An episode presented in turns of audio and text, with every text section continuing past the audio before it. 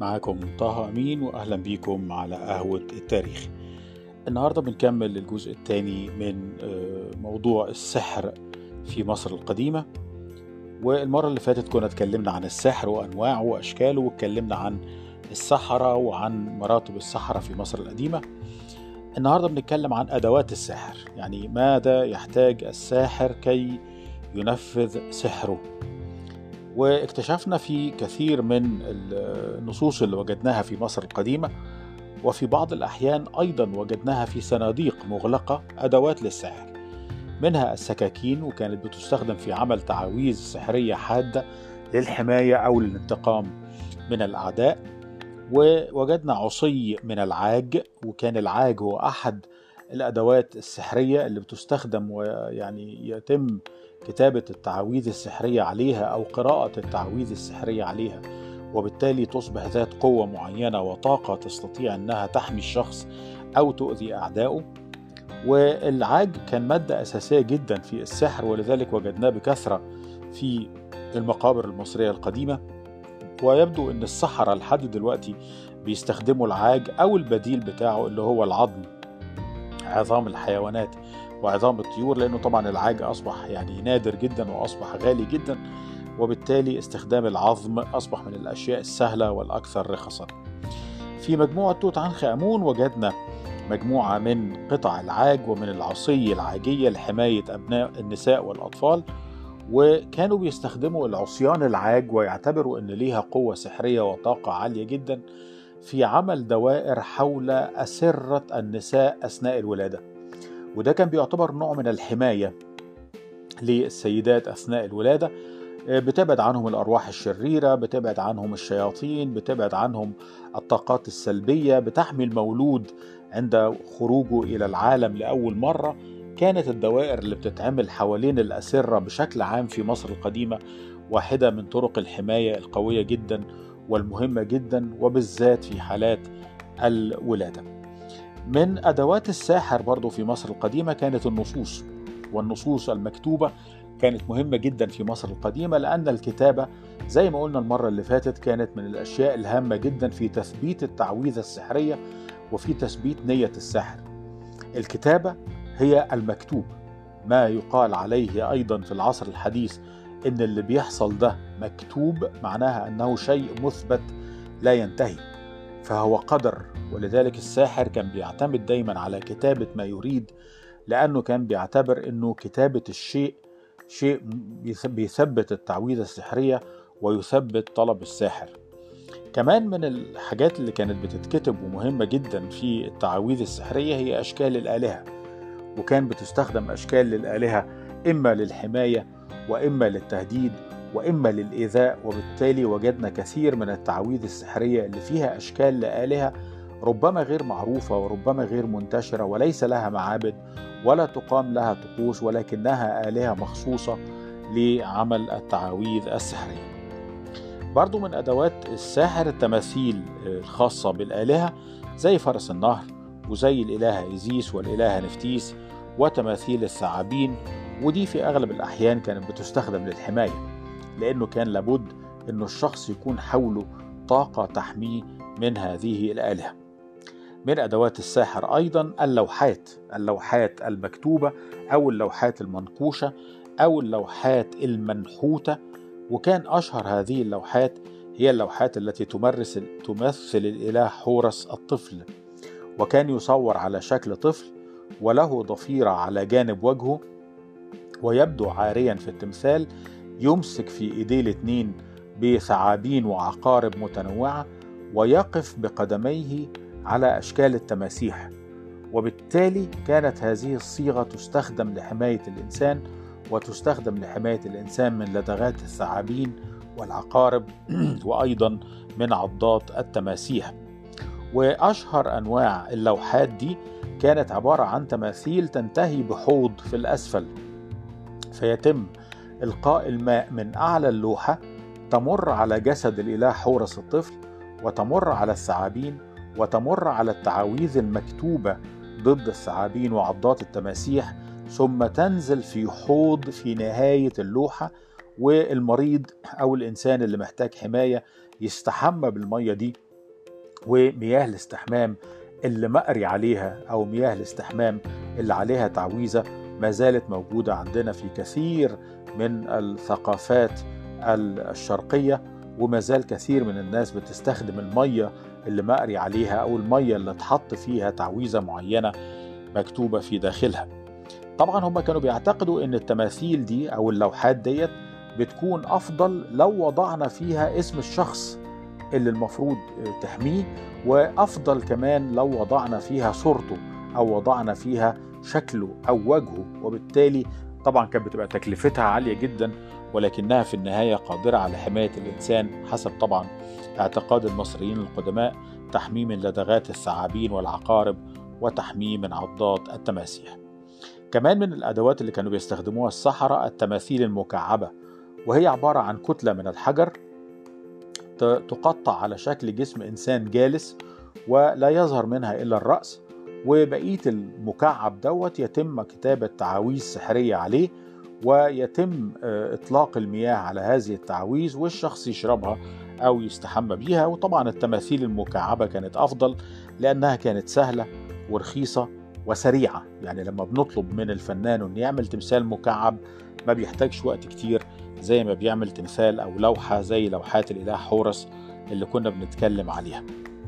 كمان من الأدوات اللي كان بيستخدموها السحره في العلاج هو العلاج بالاستحمام والعلاج بالاستحمام مش بس بالتماثيل اللي قلنا عليها ولكن العلاج بالاستحمام بمياه ربما تكون من مياه المعبد أو من البحيرة المقدسة من المعبد أو مياه يقرأ عليها الكاهن بعض التعاويذ السحرية أو مياه تبات في فناء المعبد ليلة أو ليلتين كاملتين وبالتالي تدخل فيها طاقة المعبد وبركة الإله وبالتالي كانت الناس بتستحمى بهذه الميه بعض المعابد المصرية القديمة كان فيها ما يشبه المستشفيات.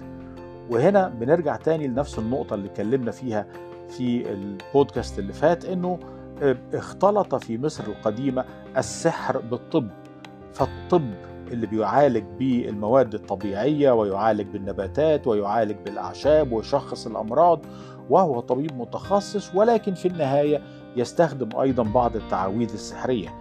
ولذلك في كثير من المعابد المصرية كنا بنجد مثل هذه التعاويذ ومثل هذه التماثيل ومثل هذه اللوحات ويستخدمها الأطباء اللي هم طبعا كانوا الكهنة في نفس الوقت داخل المعبد لعلاج الناس.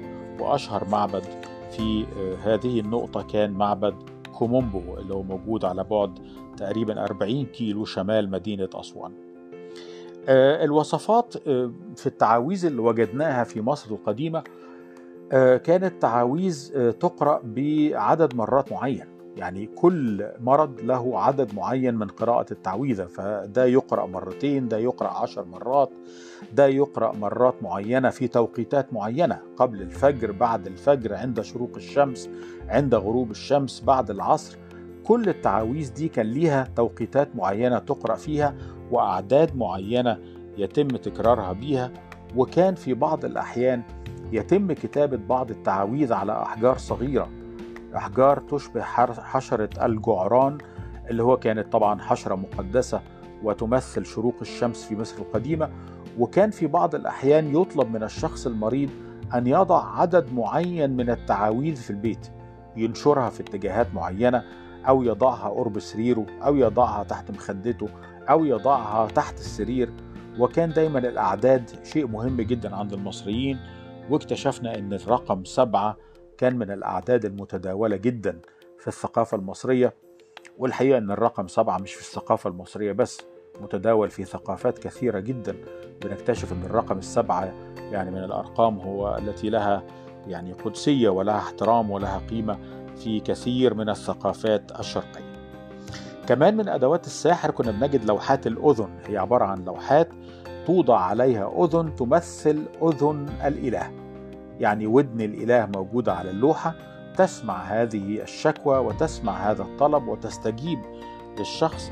يمكن يحط ودن واحدة أو اتنين أو عشرة أو عشرين في بعض اللوحات. وجدنا 188 ودن مرسومة على اللوحة أو منقوشة على اللوحة وتعبر في النهاية على يعني استماع الآلهة لهذا الشخص. واستجابة الآلهة لهذا الشخص. زي ما وجدنا لوحات تمثل الآذان والودان بتاعة الآلهة وجدنا لوحات بتمثل العيون ووجدنا عيون الإله وكأنها نوع من أنواع الرعاية. يقوم الإله برعاية الشخص بالنظر إليه وبحمايته ورعايته بعينيه وبرضه وجدنا فيها أعداد كبيرة جدا من العيون. الحقيقة الجزء اللي بنتكلم فيه عن الأدوات السحرية دي كان دايما يكون في وسيط. الوسيط هو الساحر نفسه أو الكاهن أو شخص عنده علم ببعض السحر أو شخص فيه بركة يعني يكون شخص طيب أو شخص يعني متدين بشكل ما. ولكن لما وصلنا في الدولة الدولة الحديثة اكتشفنا أنه لدينا نوع جديد من التدين وهو ما سمي بعد ذلك في التاريخ باسم الورع الشخصي. الورع يعني التقوى التقوى الشخصية بمعنى الاتصال المباشر بين الإنسان والإله. أنت مش محتاج لكاهن مش محتاج لساحر أنت تستطيع أن تخاطب الإله مباشرة.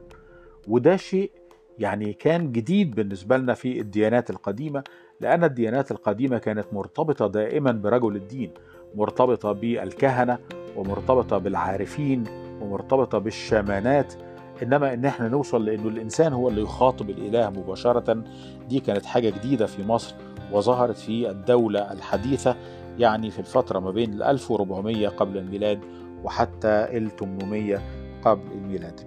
كانت لدينا أيضا تماثيل من أدوات الساحر تماثيل تمثل الإله بس والإله بس ده كان أحد ألطف الآلهة وأحبها إلى المصريين لأنه كان إله يعني يمثل المرح ويمثل السعادة ويمثل حالات الفرح والاحتفال.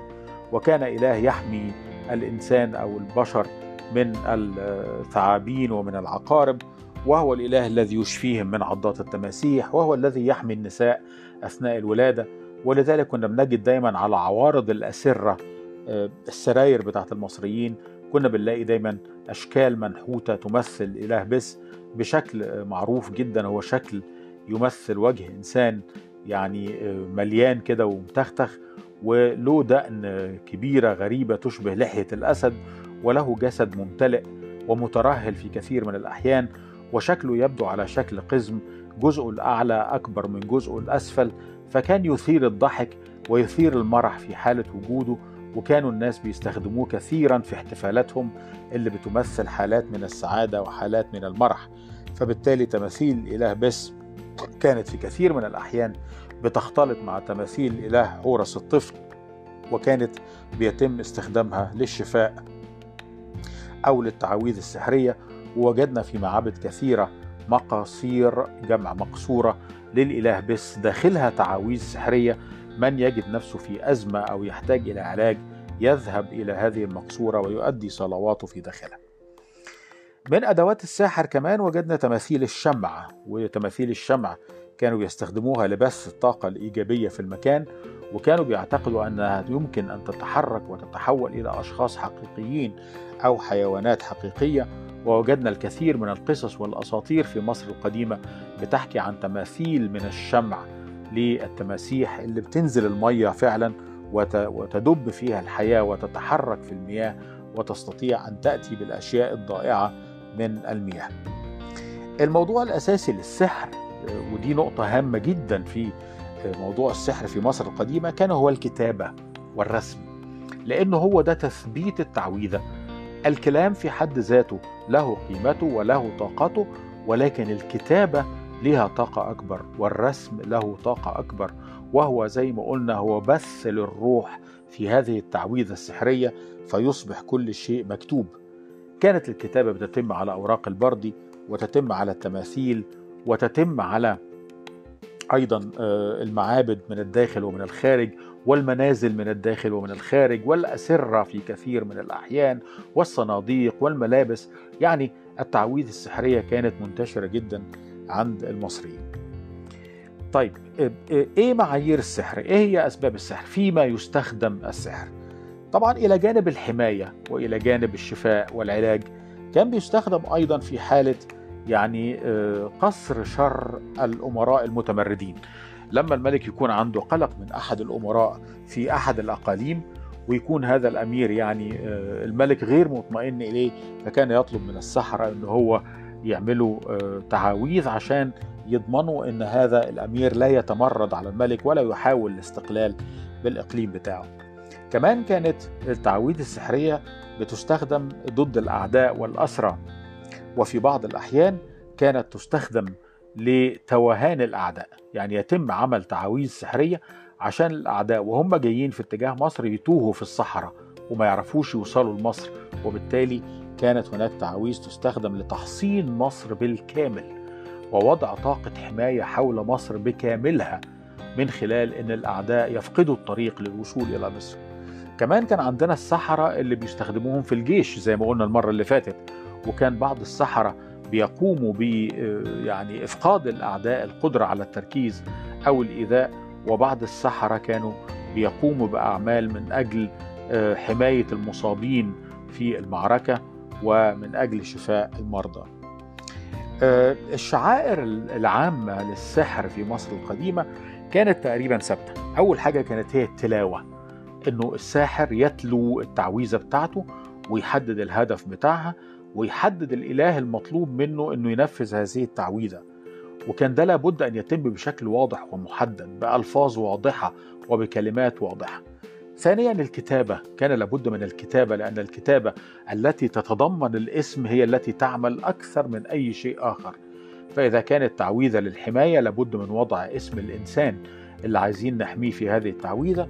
وإذا كانت تعويذة للإيذاء لابد من وضع الإنسان اللي إحنا محتاجين نأذيه في هذه التعويذة تاني حاجة بعد كده هي الختم إن إحنا نقفل التعويذة دي ويتم ختمها بختم خاص وهو نوع من أنواع التثبيت وكأن الأمر أصبح ثابتا وانتهى ولن يتغير ولن يسقط. الحاجة الثالثه كانت هي الدفن ما يتم كتابته ما يتم صناعته لابد أن يدفن أو يلقى في الماء أو يوضع في ماء استحمام أو يوضع في ماء للشرب سواء بالخير أو بالشر. يعني الإنسان المريض يشرب المية اللي عليها التلاوة دي أو العدو يشرب المية اللي عليها التلاوة دي. وبالتالي التلاوة والدفن والختم والكتابة كانت هي أهم شعائر السحر في هذه الفترة كان عندهم حاجة أساسية جدا ولم يختلف عليها أحد من السحرة هي إن الأدوات اللي بتستخدم في كل مرة لعمل تعويذه سحرية لابد أن تكون أدوات جديدة لم تستخدم من قبل. لأن الأدوات اللي بتستخدم خلاص فقدت طاقتها وأصبحت طاقتها مخصصة لهذه التلاوة. إنما الأدوات الجديدة لابد أن تكون جديدة بالكامل ولا يتم استخدامها في مرة أخرى. فكرة الختم اللي إحنا قلنا عليها دي كانوا برضو بيستخدموها كنوع من التعاويذ لختم فم الذي يتحدث بسوء عن الملك أو الذي يتآمر على الملك أو الذي يجمع الأعداء ضد الملك فكان عندنا تعويذة ختم فم الأعداء وختم فم الكارهين حتى لا يتحدثوا بسوء إلى الملك. طبعا حماية الملك بالنسبة للمصريين القدماء كانت من الحاجات الأساسية جدا لأن حماية الملك تعني حماية الشعب كله. وإحنا كنا اتكلمنا في سلسلة الديانة قبل كده وقلنا إنه دخول الملك إلى عالم الإيارو اللي هو عالم الفردوس في مصر القديمة يعني أن الشعب كله بالكامل سيدخل إلى الجنة. وعشان كده كان مهم جدا حماية الملك ضمان الفردوس للملك وضمان تحنيط لائق لجثمان الملك. وبالتالي أي خطأ في حماية الملك سيؤدي إلى اختلال التوازن الكوني. الموضوع مش هزار. ده توازن الكون كله هو في توازن الذات الملكية وتوازن الألوهة اللي موجودة في داخل هذا الملك. السحر عند المصريين القدماء كانت له قوة كبيرة وكانوا هم بيعتقدوا أن بالسحر تستطيع أن تحمي وتستطيع أن تشفي وتستطيع أن تهدد الأعداء من البشر وتستطيع أن تهدد أيضا الآلهة. ودي كانت من الحاجات الغريبة جدا إنه يمكن تهديد الآلهة بإنه لو التعويذة دي ما اشتغلتش أنت أيها الإله لن تجد من يعبدك بعد الآن. وإذا التعويذة دي ما اشتغلتش سوف يختل التوازن الكوني في هذا الكون وبالتالي أنت الإله لن يكون لك دور. ودي كانت من الأشياء العجيبة جدا اللي وجدناها في التعاويذ المصرية القديمة. من التعاويذ المهمة جدا ومن السحر المهم جدا اللي اكتشفناه ولكن في فترة متأخرة من الديانة المصرية القديمة كان هو استخدام الصيد كشعيرة سحرية. وجدنا بعض المناظر وبالذات في معبد إسنا واحد من أهم المعابد المصرية القديمة والتي تمتلئ بالتعاويذ السحرية واللغة الملغزة رغم أنها مكتوبة بحروف هيروغليفية ولكن الحقيقة فهم هذه التعاويذ شيء صعب جدا والدارسين لمعبد إسنا يعلمون جيدا كيف أنه من الصعب أنك تفهم النصوص الموجودة لأن معظمها كانت لغة سرية خاصة بالكهنة وخاصة بالسحرة في معبد إسنا في جنوب الأقصر وجدنا الكثير من النقوش التي تمثل الأعداء في شباك الصيادين. وكأنه السحر يستطيع أن يجعل العدو يعني تحت السيطرة وكأنه داخل شبكة لا يستطيع التحرك منها. ولذلك بنجد أنه داخل الشبكة دي توجد مجموعة من الأسماك ويوجد مجموعة من الأعداء وكأن الأمر يختلط. العدو يتحول إلى سمكة والسمكة تتحول إلى عدو رمزيا طبعا. بمعنى أنه أصبح تحت السيطرة وأصبح غير قادر على أنه هو يخرج من هذه التعويذة بأي حال من الأحوال. آه، زي ما قلنا أنه الأسماء كانت مهمة. ما زال لحد النهاردة في الشرق لما الناس تعمل تعاويذ بتبحث عن الأسماء وتبحث عن الأشكال وتبحث عن الصور وما زال في بعض القرى في الشرق عندنا بنجد إنه يعني من التعاويذ السحرية البسيطة جدا هو إنك تجيب صورة شخص وتبتدي تخرم عينين الشخص ده وتخرم آه، جبهة هذا الشخص وتخرم الصورة وكأنك تسعى إلى إيذائه وتسعى إلى إنك أنت تعمل أشياء سيئة ودي طبعا يعني من الأشياء السيئة جدا اللي ما زالت موجودة للأسف الشديد في بعض القرى في الشرق. بعض الأشياء برضو كان من ضمنها هي محو اسم الشخص أن يكون اسم الشخص منقوشا على الحجر أو يكون مكتوبا على الورق وأنت تقوم بمحوه. السحرة استخدموا أشياء كثيرة جدا آه، لعملها أو يعني أسباب كثيرة جدا للسحر. من ضمنها مثلا جلب الحبيب. وجدنا كثير من الأسحار اللي بنجد فيها بنات بتلجأ إلى السحرة عشان تطلب إن فلان ابن فلان ابن فلانة يعني يجي يخطبها أو يطلبها. وده كان موجود من أيام المصريين القدماء. ووجدنا أسحار للتفريق بين الناس. زوج وزوجة وشخص يعمل سحر عشان يفرق بينهم. وجدنا هذا مكتوبا في التعاويذ ووجدناه مكتوبا في الشعر العاطفي. كثير من يعني الأشعار كانت عبارة عن آه، أحاديث بنات يعني مغرمة بشخص ولكن هذا الشخص لا يشعر بها فهي تطلب من الساحر أن يعني يعمل عمل عشان الشخص ده يحس بيها ويستطيع أن هو آه، إن هو يطلبها ويخطبها وتعيش معاه إلى الأبد. الحقيقة موضوع السحر في مصر القديمة من الموضوعات الهامة جدا والموضوعات العميقة جدا. واللي فيها كثير من النقاشات وكثير من الاكتشافات وما زلنا حتى الآن بندور على حاجات كثيره قوي في هذا المجال في المجال وما زالت الدراسات بتكلمنا عن دور السحر في مصر القديمة من الناحية الطبية وفي الحياة العملية وفي الحياة السياسية وفي الحياة العسكرية. يبدو إنه زي ما قال جاردنر إنه يعني كان كل المصريون كل المصريين بشكل ما سحرة. يعني كانوا بشكل ما يستطيعون يعني معرفة شيء من السحر ولو كان شيئا بسيطا يقدروا يدبروا بيه أمورهم. ففعلا ألان جارنر لما قال كان كل المصريين سحرة كان يقصد أنه فعلا كان السحر شيء أساسي في مصر القديمة ومهم جدا في مصر القديمة. بشكر حضراتكم على حسن الاستماع. كان معاكم طه أمين على قهوة التاريخ.